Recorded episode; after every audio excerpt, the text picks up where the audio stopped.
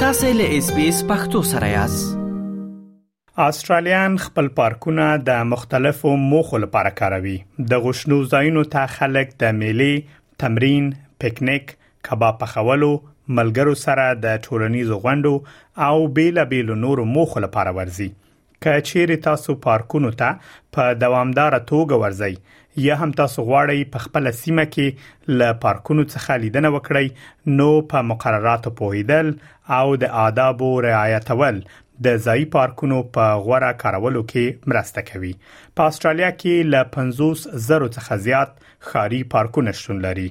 جوئل جانسن د سیدنی د خاري شورا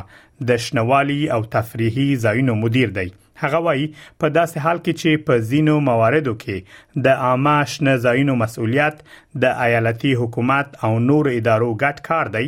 مګر د خاري پارکونو مدیریت معمولا د خاري شوراګانو پر غاړه دی په کومه سیمه کې چې پارک موقعیت لري هغه وایي هر محلي حکومت او شورا خپل قوانين لري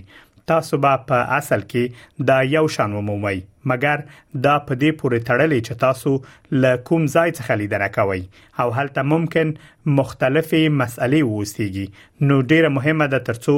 قوانین له خپل شورا سره چک کړئ each council area, each local government area does have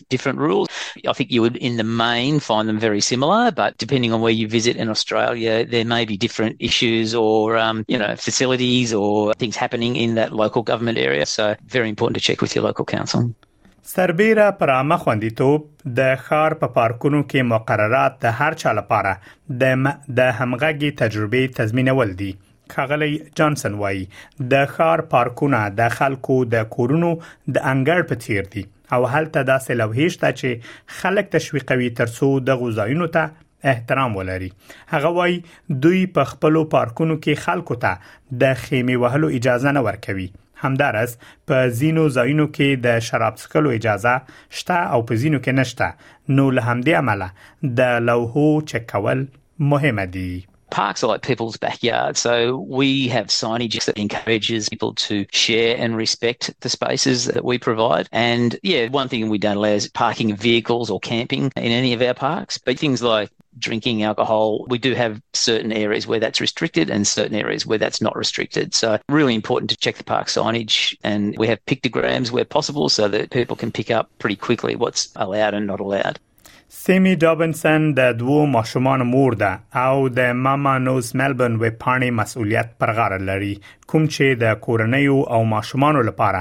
د لیدلو د ځایونو وړاندیزونه کوي هغه د خپل خار ل ډیری شنو ځایونو څخه لیدنه کړې ده او په دې باور ده چې داسې پارکونه نشته چې د کورنۍ او ماشومان فعالیتونه محدود کړي مګر په لوی پارکونو کې قوانين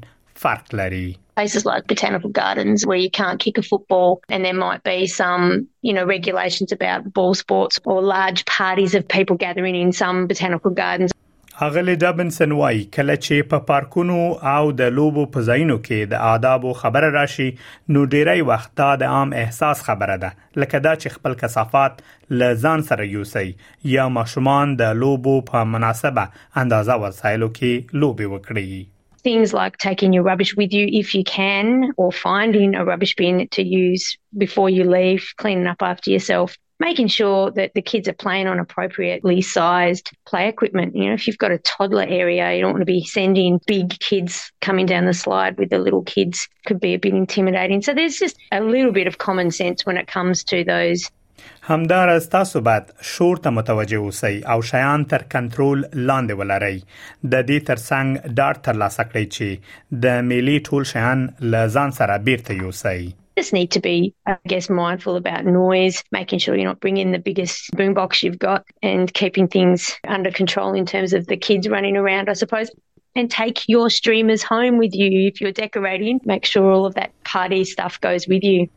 کله چې خلک غواړي کباب پوخ کړي نو د داسې ځایونو نیول په دې پورې اړه لري چې هر څوک لومړی راشي همغه کولای شي د کباب په خولو ځای ونیسي مګر کچيري لوی پروګرامونه نیول کیږي لکه واده او د کال د پای میله نو دغه سي پروګرامونو لپاره بوکینګ او یا هم اجازه پکار ده خغلی جانسن وای په خار کې یو څو داسې ځایونه شته چې د واده لپاره مشهور دي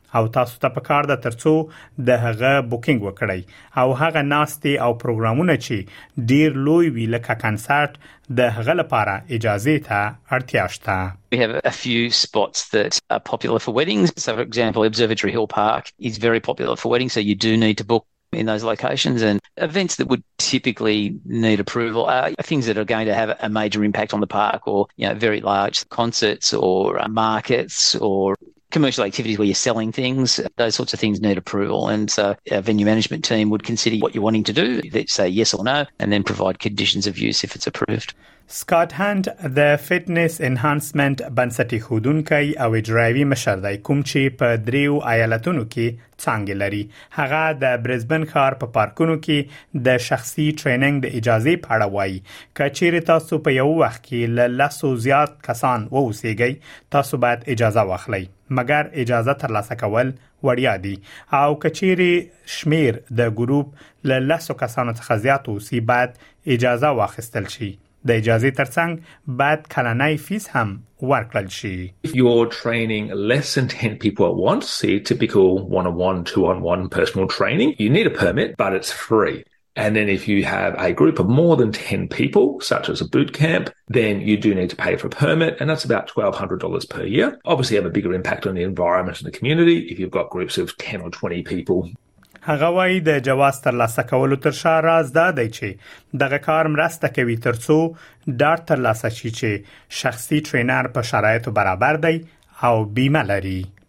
The great thing about them saying you need a permit is it helps them check that personal trainers are actually qualified and insured who are working in the parks. From the consumer point of view, what they should also be doing is actually looking at that person and going, do they have the appropriate council approval if they don't, well, check they've got insurance anyway. Just because someone looks like they might be awesome in a local park doesn't mean they're insured, qualified, registered, and safe for you. So